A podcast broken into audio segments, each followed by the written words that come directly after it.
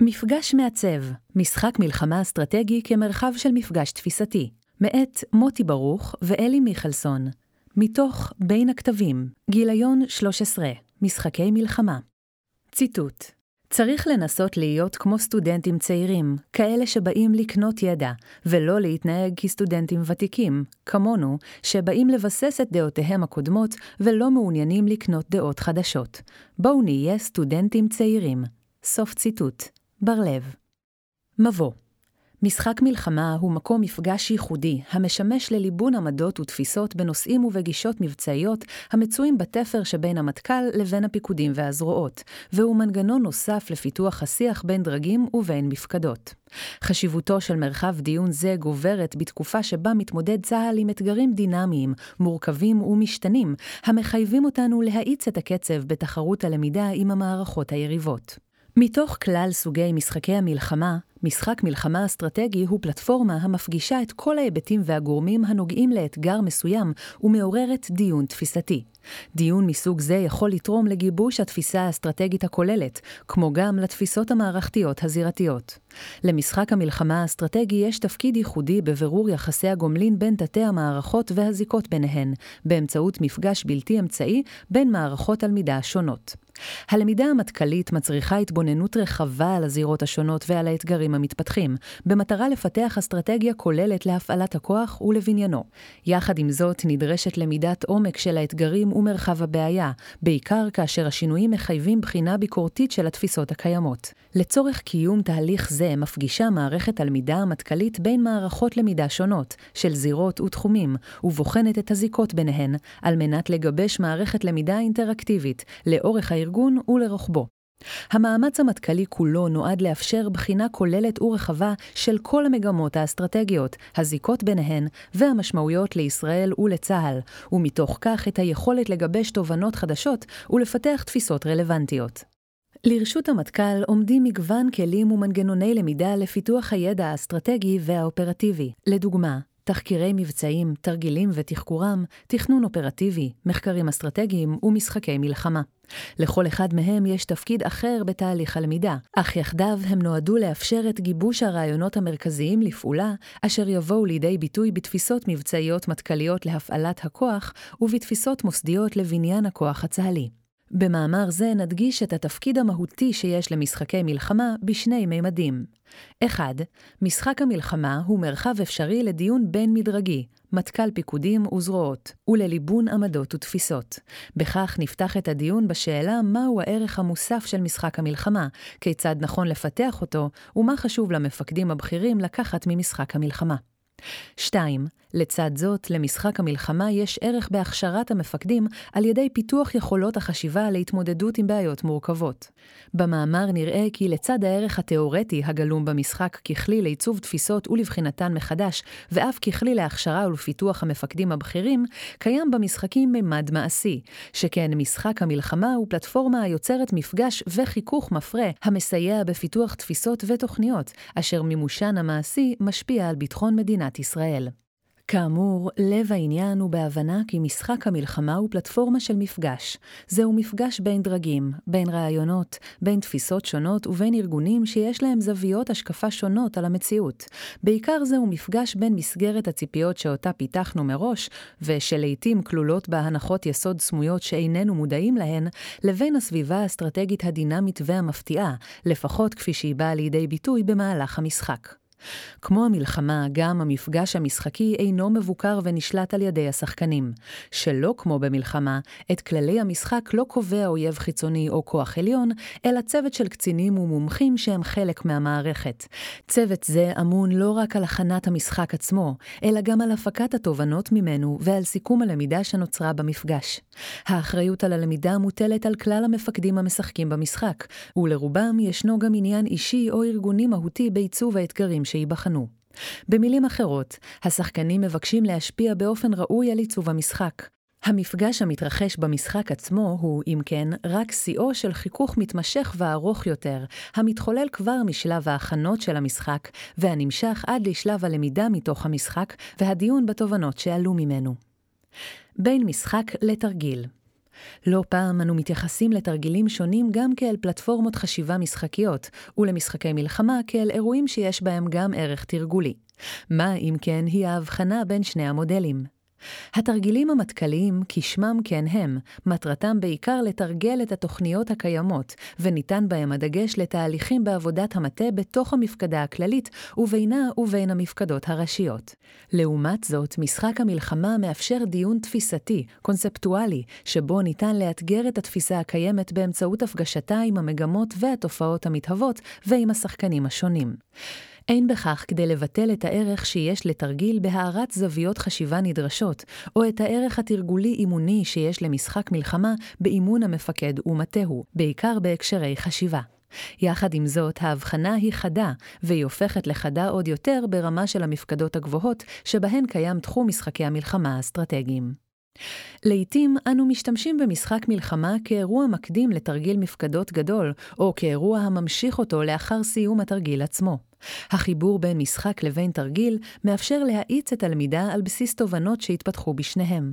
המשחק מאפשר להניע את סיפור המעשה, באופן שמאפשר לנסות רעיונות חדשים המתפתחים ולערער עליהם, עניין שקשה יותר לבחון בתרגיל שיש לו משמעויות לוגיסטיות ובטיחותיות שונות. בכך הופך המשחק להיות דומה יותר למעבדה. החלטות שהתקבלו במסגרת תרגיל יכולות להיבחן באופן מעמיק ומאתגר יותר במשחק. בעולם הטקטי, משחקי מלחמה נועדו לאפשר דיון, בעיקר דרך ניתוח מקרים ותגובות, ולרוב בתוך המסגרת התפיסתית הקיימת. לעומת זאת, משחק מלחמה אסטרטגי נועד לתרום לגיבוש התפיסה עצמה, בין אם באמצעות ערעור הנחות היסוד המונחות בבסיס התפיסה הקיימת, ובין אם בחשיפת הפערים האופרטיביים אל מול תפיסה מסוימת. המפקד המתאמן המפקד אמון על הכשירות של כלל יחידותיו, ובהתאם לכך, הוא גם מפקד מאמן. הוא מאתגר את המסגרות, משפר אותן ובוחן אותן, אך מי מאתגר אותו? מהו האימון הנדרש עבורו? האתגרים של המפקד בדרג הבכיר הם מחשבתיים ותפיסתיים, ולא רק פיקודיים וניהוליים, אך מעטות הן ההזדמנויות שבהן המפקד הבכיר מתאמן. משחק מלחמה הוא הזדמנות לאתגר מחשבתית את המפקד הבכיר ואת הקבוצה הקרובה אליו. המשחק נועד לאתגר את יכולתו של המפקד להתמודד עם מציאות שונה ולהפעיל כלים חדשים. במשחק, בשונה מתרגיל או מפלטפורמות למידה אחרות, המציאות משתנה ואינה נדרשת לדמות מצב אמת. המציאות החדשה, המדומה, נועדה לאפשר למפקד להרהר בהנחות היסוד, לבחון אותן ובאמצעות זאת לאפשר דיון תפיסתי בין המפקדים. בראייה הכשרתית, המשחקים מסייעים למפקדים הבכירים באופן מצטבר בפיתוח השיח באופן קבוצתי וגם באופן אישי. הדיונים השונים בונים את המשתתפים, שעיקרם פורום המטה הכללי, כי קבוצה החווה את האתגרים המטכ"ליים מזוויות שונות. ניתן לפתח סוגים שונים של משחקים על פי הנדרש בתהליך פיתוח התפיסות והתכנון המבצעי. ישנם משחקים היכולים לאתגר את התפיסה הקיימת, הפרדיגמה השלטת, לאור ההשתנות במציאות, ומתוך הצורך לחולל דיון בהבנות הקיימות. כאשר המערכת מתמידה בגישה מרכזית אחת, וחסר בה ויכוח מהותי שיערער עליה, משחק מלחמה עשוי ליצור סביבת דיון שתסייע לבחון מחדש את הנחות היסוד הגלויות, לחשוף את אלה הסמויות, ולהצביע על כיוונים לפיתוח גישה חדשה. סוג אחר של משחק הוא משחק היכול להאיר פינה חשוכה. כאשר המערכת מתעלמת מקיומה של בעיה, מזניחה אותה, ואולי אף נראים ניצנים של שינוי באותה בעיה, יכול משחק המלחמה להאיר את הפינה האפלה, ולאפשר התייחסות הולמת אליה. במשחק מסוג זה ניתן לעורר את המחשבה של המפקדים הבכירים לבעיה לא מטופלת, אך יחד עם זאת יכול משחק מסוג זה לעורר את המחשבה על בעיות נוספות או דומות שאינן בראש מעייניהם של המפקדים. משחק מלחמה מהסוג הזה נערך במטה הכללי לפני כמה שנים בתחום הסבר, סייבר. עד לאותו מקרה נהגנו לשלב אירועי סבר בתרגילים ובמשחקי המלחמה האחרים. בדרך כלל לא זכו אירועי הסבר להתייחסות משמעותית מצד המשתתפים, שמיקדו את תשומת ליבם באירועי המלחמה האחרים. התוצאה הייתה ששכבת הפיקוד הבכיר לא פיתחה הבנות משמעותיות לגבי משמעות המימד החדש על תופעת המלחמה. נדרשה חוויה מכוננת, שלא רק תפתח את היעד, אלא בעיקר תאיר את עובדת היעדרו. משחק המלחמה בנושא הסבר היה לכן אירוע לימודי בעיקרו. האתגר העיקרי בגיבושו היה יצירת חיכוך נכון בין דרג המומחים בתחום לבין המפקדים הבכירים, באופן שיאפשר לשני הצדדים ללמוד וללמד. התרחיש והחלטות המפקדים הבכירים במשחק אפשרו לדרג המומחים להבין טוב יותר את הדילמות הצה"ליות במלחמה. האלופים מצידם הבינו את פערי הידע שלהם עצמם, ולמדו לא מעט מעולמות התוכן. הצלחתו של משחק זה נקרא בשל תהליכי ההמשך שלו. המשחק והעיצוב תהליך העיצוב הוא תהליך שעיקרו למידה ופיתוח ידע, במטרה לפתח תפיסה למערכה קונקרטית. לדוגמה, פיתוח ידע לצורך מערכה מול חיזבאללה. מהות התפיסה היא ליצור כיווני פעולה חדשים ואפקטיביים, באמצעות הבנה מערכתית טובה יותר של הבעיות, ובאמצעות גיבוש רעיון אופרטיבי מתאים. תהליך מסוג זה נשען על בחינה ביקורתית ועל הבנה בדבר הצורך להשתנות. בתהליך העיצוב נבחנות הנחות היסוד והנחות העבודה הקודמות שלנו, ואלו עומדות לדיון מחודש. תהליכי עיצוב כמו יבשה באופק או מעשה אמן, הם תהליכים שמטרתם הייתה לפתח רעיונות חדשים ולגבש תפיסה לבניין הכוח בתחומם. תהליכים אלו מזינים את מערכת הלמידה המטכ"לית ומניעים אותה. מערכת תלמידי המטכ"לית עצמה שותפה, ואף עשויה לחולל עיצוב תפיסה קונקרטית, אך בעיקר מוכוונת לפיתוח האסטרטגיה הכוללת של זירת המלחמה, מערכת המערכות. מטרות תהליך העיצוב הן 1. לזהות צורך בשינוי תפיסתי לאור השתנות בסביבה. 2. לפתח מסגרת של אסטרטגיה ביחס לשינוי בסביבה. 3. לפתח תפיסה למערכה, רעיון מערכתי, להפעלת הכוח ולבניינו. רעיון הכולל הסבר מקיף לאופן הפעלת הכוח ובניינו ישרתו את המסגרת האסטרטגית שפותחה ויממשו אותה. תהליך הלמידה המטכ"לי נשען על תהליכי עיצוב רבים המתרחשים במטה הכללי ובמפקדות הכפופות השונות. כל אחד מתהליכים אלה עוסק במערכת מורכבת בפני עצמה. לדוגמה, הזירה הצפונית הן בסוריה והן בלבנון, והמורכבות הטמונה בה, או הזירה הדרומית, הן בעזה והן בסיני. תהליך מורכב ורחב זה כולל גם את ההשפעות של הסביבה וההתפתחויות באזור ובעולם, את עמדות הדרג המדיני ועוד. תהליכי עיצוב במטכ"ל מבוססים על נקודות ההשקפה השונות הן של המטכ"ל עצמו והן של המפקדות הראשיות, הפיקודים והזרועות. המטכ"ל, כמפקדה הנושקת לרמה המדינית ומעצבת את השיח עימה, מעודכן במתרחש בכלל הזירות והמערכות, ומוכוונת לעיצוב ההקשרים הרחבים של האתגרים. בהתאם לכך, המטכ"ל מסוגל לכונן תהליך למידה שבבסיסו נמצאת הבנה של ההקשרים הבין-זירתיים והבין-זרועיים. למטכ"ל יש יתרון יחסי בזיהוי שינויים המתהווים בסביבה הבינלאומית והאזורית, ובזיקות ובהשפעות הקיימות בין מערכות ובין זירות שונות. הקרבה והנגישות לדרג המדיני מקנה לו גם יתרון מסוים בזיהוי שינויים בכוונות הדרג המדיני ובאינטרסים של המדינה.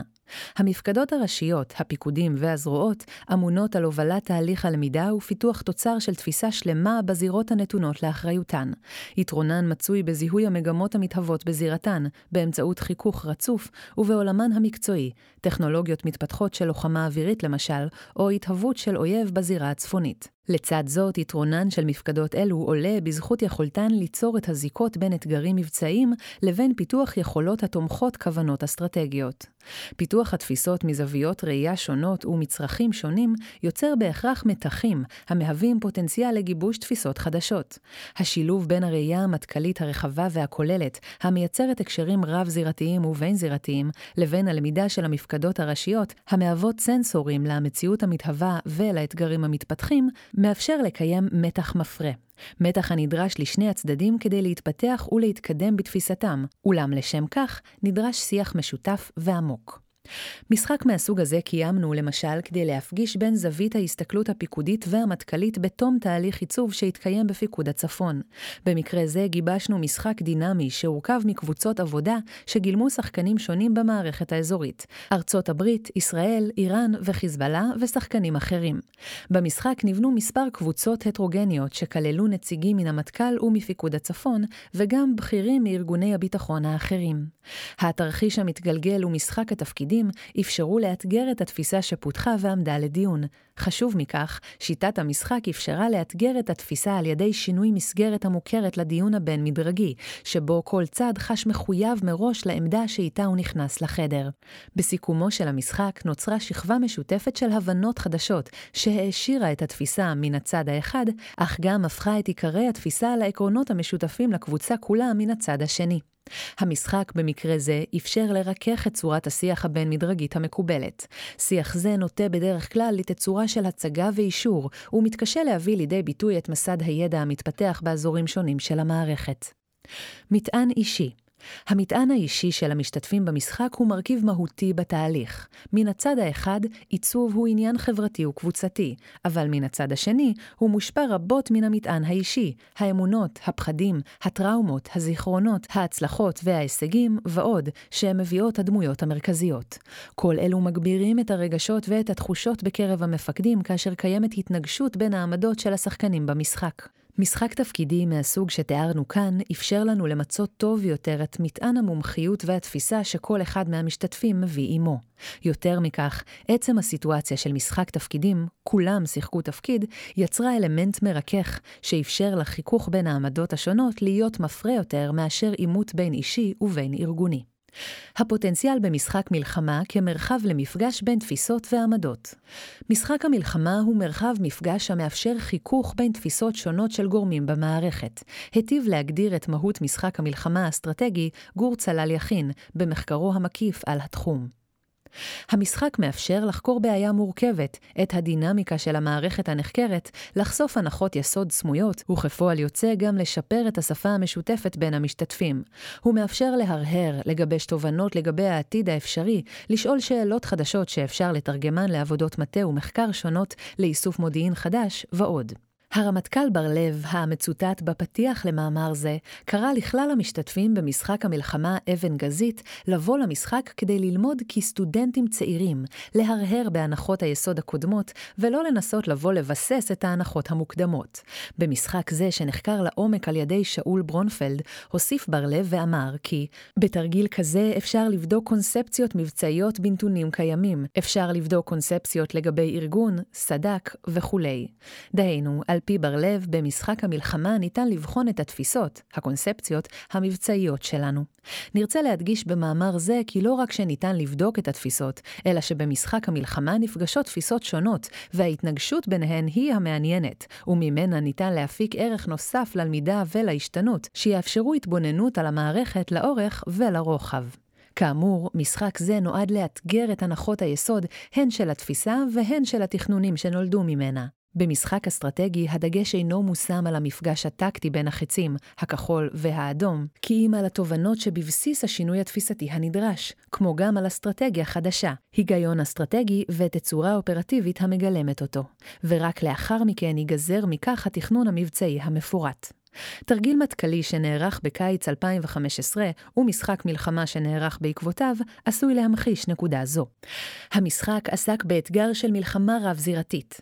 אסטרטגיית צה"ל קובעת כי הרמה האסטרטגית מתייחדת בניהול מבצעים רב-תחומי ורב-זירתי ובתכלול מאמצים. עם זאת, התקיים בצה"ל ויכוח באשר לאופן המעשי שבו נכון לעמוד באתגר זה. התרגיל המטכ"לי שהתקיים בקיץ 2015 עסק באתגר, והציף את המתחים העולים ממנו, אך לא הצליח להביא את המפקדים לכדי דיון מעמיק בדילמות העולות מאתגר זה. על מנת להתמודד עם הסוגיה, הנחה הרמטכ"ל את חטיבת תוהד לקיים משחק מלחמה בנושא.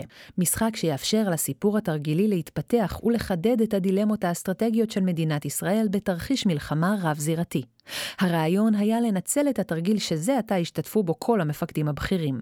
האתגר, לעומת זאת, היה כיצד מאפשרים דיון מחודש בתרחיש מבלי שהמשתתפים ייתקעו בעמדות הקודמות שלהם, כפי שאלו באו לידי ביטוי בתרגיל. הפתרון ניתן באמצעות הרצה של תרחיש התרגיל לשלבי הסיום של המלחמה, רחוק מספיק כדי לשחרר את המשתתפים ממחויבות לעמדותיהם הקודמות, ורחוק מספיק כדי ליצור סיטואציה קיצונית. הסיטואציה הזו עוצבה כך שהיא תחדד את הגישות התפיסתיות השונות שנכחו בפורום המטכ"ל לגבי הסוגיה הרב-זירתית, ותביא אותן לחיכוך זו עם זו. אם נניח את הרכיבים המרכזיים במערכת הנוכחית שלנו, ניתן לשער כי מפקדים שונים יתייחסו למרכיבים במערכת בצורות שונות, לעתים בהתאם לתפקידם ולתחום אחריותם. זווית ההתבוננות של ממלא התפקיד על המציאות משפיעה על תפיסתו ועל גישתו אליה. פיקוד הצפון יבחן לעומק את חיזבאללה וסוריה במסגרת הציר השיעי, ינתח את האתגרים בזירות אלו ויעמיק בהם. יחד עם זאת, ניתן להניח כי יעמיק פחות, בצדק מבחינתו, בתחומים אחרים, כגון השפעת הסוגיה הפלסטינית על מרחבו. גם סוגיות בעלות משמעות למרחבו, כגון השפעת הנעשה ברצועת עזה על חיזבאללה, תהיינה מורכבות לבחינה עבורו. בהתאם לכך, כל פיקוד או זרוע מפתחים את הידע בתחומם, ומן המפקדה הכללית נדרש להתייחס לכלל הגורמים במערכת ולזיקות ביניהם. במשחק נדרשים ממלאי תפקידים להציג באופן ברור את עמדותיהם, ואף להניח אותן על השולחן באופן בוטה. רק באופן כזה ניתן יהיה לזהות את הפערים הקיימים בין הגישות השונות, ולפתח דיון על בסיס פערים אלו. המשחק מאפשר דיון מחדש בתפיסות, היפרדות מרעיון ישן ויצירה של רעיון חדש. תהליך זה הוא תהליך חברתי, סוציולוגי, ומשחק המלחמה מזמן את השיח לבירור התפיסות של המשתתפים, לבירור הגישות השונות, ואף להעצימן לצורך חיוניות הדיון. האלטרנטיבה היא שפערים אלו יתגלעו תוך כדי מערכה. במפגש בין מערכות הלמידה ניתן לראות שני דברים מרכזיים. האחד, משחק המלחמה הוא נקודת המפגש בין הלמידה המטכ"לית לבין הבנות מערכת הלמידה המקומית. כל מערכת למידה מביאה לשולחן את התפיסה שלה, האינפוט. תפיסות אלו הן הבסיס לדיון. הדבר השני שיש להבחין בו הוא המפגש עצמו.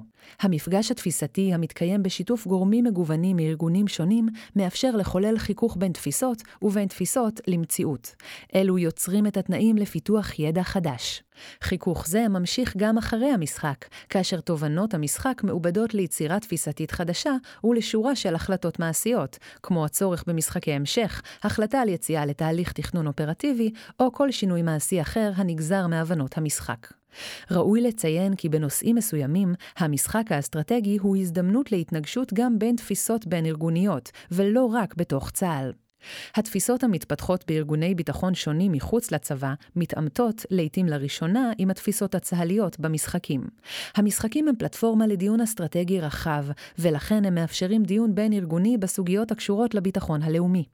חטיבת התורה וההדרכה במטה הכללי היא האמונה על יצירת המפגש מן הצד האחד, על עיצוב ועל מימוש האופן שבו נפגיש את מערכת הלמידה המטכ"לית הרחבה עם מערכות הלמידה הפיקודיות והאחרות, ומן הצד השני, על התבוננות רחבה על המערכת ובחירת האפשרויות לדיון באמצעות משחק מלחמה. בראיית מערכת הלמידה המטכ"לית המכילה בתוכה תתי תחומים שונים ומגוונים, נדרש לבחור את המשחקים באופן שישרת אותה ואת הלמידה שלה. המטכ"ל מעצב את משחקי המלחמה באופן שמסייע לו לפתח סוגיות, ובכך מניע את המערכת לחשיבה מחדש על הבעיות שניצבות מולה. תכנון מול דינמיקה כפי שעולה מתיאור זה, רוב משחקי המלחמה הצה"ליים והבין-ארגוניים נדרשים להיות מתוכננים מראש. הם מהווים חלק מגרף הלמידה המתוכנן של צה"ל. בשנה שבה צה"ל מתכנן לפתח את רעיון המלחמה הרב-זירתית שלו, יעסקו בנושא זה גם התרגיל המטכ"לי המרכזי, וגם שורה של משחקי מלחמה ממוקדים יותר. בשנה שבה קבענו לפתח תפיסת סבר, ייוחד לתהליך זה גם משחק מלחמה שיהיה חלק מהתהליך. מערכת מורכבת כמו מערכת הלמידה המטכ"לית חייבת להיסמך על מידה משמעותית של תכנון סדור. יחד עם זאת, מטבעה של אסטרטגיה, שהיא דורשת בחינה מתמדת וביקורתית של השינויים בסביבה. הדינמיקה האסטרטגית באזורנו בשנים האחרונות היא מהירה במיוחד. כך מצאנו את עצמנו במהלך השנים האחרונות יוזמים שורה ארוכה של משחקי מלחמה לא מתוכננים. משחקים כאלה נערכו למשל סביב משבר השימוש בחל"כ בסוריה ב-2013, והם נסובו סביב השאלה מה תהיה תגובת סוריה לתקיפה אמריקאית אפשרית, וכיצד ישפיע המשבר על ישראל. בשנים האחרונות מצאנו את עצמנו נסמכים יותר ויותר על משחקי מלחמה בלתי מתוכננים מראש, כאמצעי מהיר יחסית ללבן מחשבות ולהתאים אסטרטגיה למציאות המשתנה מהר יותר מהאפשרויות שמעמידים תהליכי עיצוב תפיסתיים ארוכים. משחקים אלו נובעים בעיקר מאי נוחות של המפקדים הבכירים, לרוב הרמטכ"ל וראש אגף המבצעים, המזהים סוגיה או אתגר הראויים להיבחן מחדש, ומבחינתם משחק המלחמה הוא הכלי המרכזי לערעור מושכל בכך. ככל שקידמנו את המיומנות שלנו בתחום, בין היתר באמצעות מאמצי מחקר והתנסות פרקטית במרכז דדו, למדנו כי משחק המלחמה מאפשר לנו לא רק לברר את האתגרים המתהווים בהווה, אלא גם להיות מוכנים טוב יותר אל אתגרי העתיד הקרוב. התרחיש מאפשר להריץ קדימה מגמות המזוהות במציאות ולחייב את הארגון להתמודד איתן ולדון במשמעויות הנובעות מהן. לעתים קרובות המסקנה התרגילית היא כי יש לעשות הכל, לרבות להסתכן בהסלמה בהווה, על מנת למנוע את ההתפתחויות העתידיות כפי שנחזו בתרחיש. ברמה התפיסתית יותר, תנועה מחשבתית אל העתיד מחייבת עיון מחודש בהנחות היסוד, כך שבמקרים מסוימים נדרש לשנות אותם, ובמקרים אחרים לחדד אותן, ואולי להבהיר אותן לעצמנו מחדש. משחק המלחמה לא נועד לחזות את העתיד, כי אם לאפשר מוכנות תפיסתית ומנטלית לשינוי, ולפתח בסיס ידע המאפשר לפתח תפיסה חדשה מבעוד מועד, או המאפשר הסתגלות אפקטיבית לשינויים המתהווים במציאות. למרות שהתרחיש במשחק המלחמה יכול לעתים לעוות במכוון את המציאות, על מנת להדגיש מגמות מסוימות באמצעות העצמתן, או לדמיין מציאות אחרת מן הצפוי, עדיין ניתן יהיה לראות כי פערים בתפיסת המציאות יצופו, לדוגמה על ידי החשיבות שכל אחד מקדיש לרכיבים במערכת. שתי הערות לקראת סיכום. אין למידה בידי שליח. משחק המלחמה אומנם מייצר למידה התנסותית משותפת, אך החוויה היא אישית. המשחק מאפשר למשתתפים לדון באופן משותף, אך נדרש לגרום לכל משתתף להרהר באופן אישי בעמדותיו המקוריות. בסיום המשחק האסטרטגי, המשחק עשוי לגרום למשתתפים להרהר מחדש על תפיסתם את המציאות. חוויית למידה מצריכה התבוננות עצמית על החוויה ודיון אישי בשאלה מה למעשה למדתי. חוויה של למידה משמעה שהלומד לא רק עבר חוויה משמעותית, אלא הוא גם יכול להגדיר מה למד ממנה באמצעות התבוננות עצמית. למשחק יש מגבלות. עם כל הרצון לערער את הגישות הקיימות, חייבים להיות ישרים מספיק עם עצמנו, ולהפנים שהנעת אנשים מעמדותיהם המקוריות אינה פשוטה. היכולת התמונה במשחק היא לעורר חשיבה מחודשת על הנושא, אך היא אינה מתיימרת לגרום לשינוי עמדות באופן קיצוני. ככלל, המשחק לא נועד לכך שבסיומו תתקבלנה החלטות הרות גורל, על אף שנידונים בו נושאים הרי גורל. זאת משום שהוא בסיס להתדיינות, שאותה יש לפתח במסגרת מנגנונים אחרים, כגון נוהל קרב לגיבוש תוכנית מבצעית ובתהליך הלמידה המתמשך.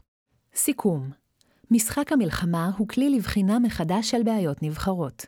התשובה לשאלה איך המשחק יאפשר פיתוח ידע חדש נעוצה במפגש שבין העמדות. התרחיש המורכב, השחקנים המגוונים, האתגר ועוד באים יחד לנקודת המפגש, המשחק, ומאפשרים את החיכוך, ובעקבותיו את ההבנה בצורך בבחינת תפיסה או בשינויה. בתחרות הלמידה עם היריבים נדרשים תהליכי למידה רצופים וביקורתיים שיאפשרו לנו להיות רלוונטיים. תוהד, כגוף האמון על ארגון וניהול הלמידה המטכ"לית, מנווט את הלמידה של צה"ל בעזרת גרף מטכ"לי. אירועי הלמידה השונים נועדו לאפשר בחינה של תפיסות באופן ביקורתי, להפגיש בין תפיסות שונות של דרגים שונים, ולסייע בפיתוחן של תפיסות חדשות.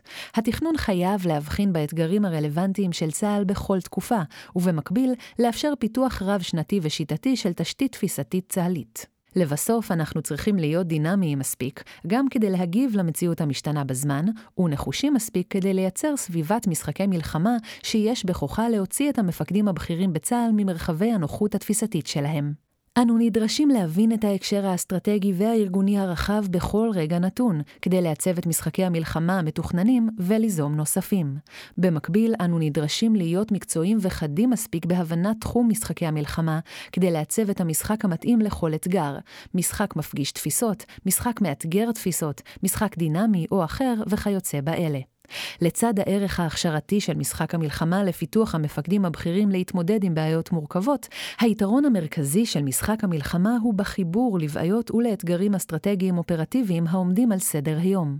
ככל שהאתגרים סבוכים יותר, כך נדרשות שיטות דיון משוכללות יותר, אשר תאפשרנה גיבוש תפיסות ותובלנה לנקיטה בפעולות הטובות ביותר למען ביטחון ישראל.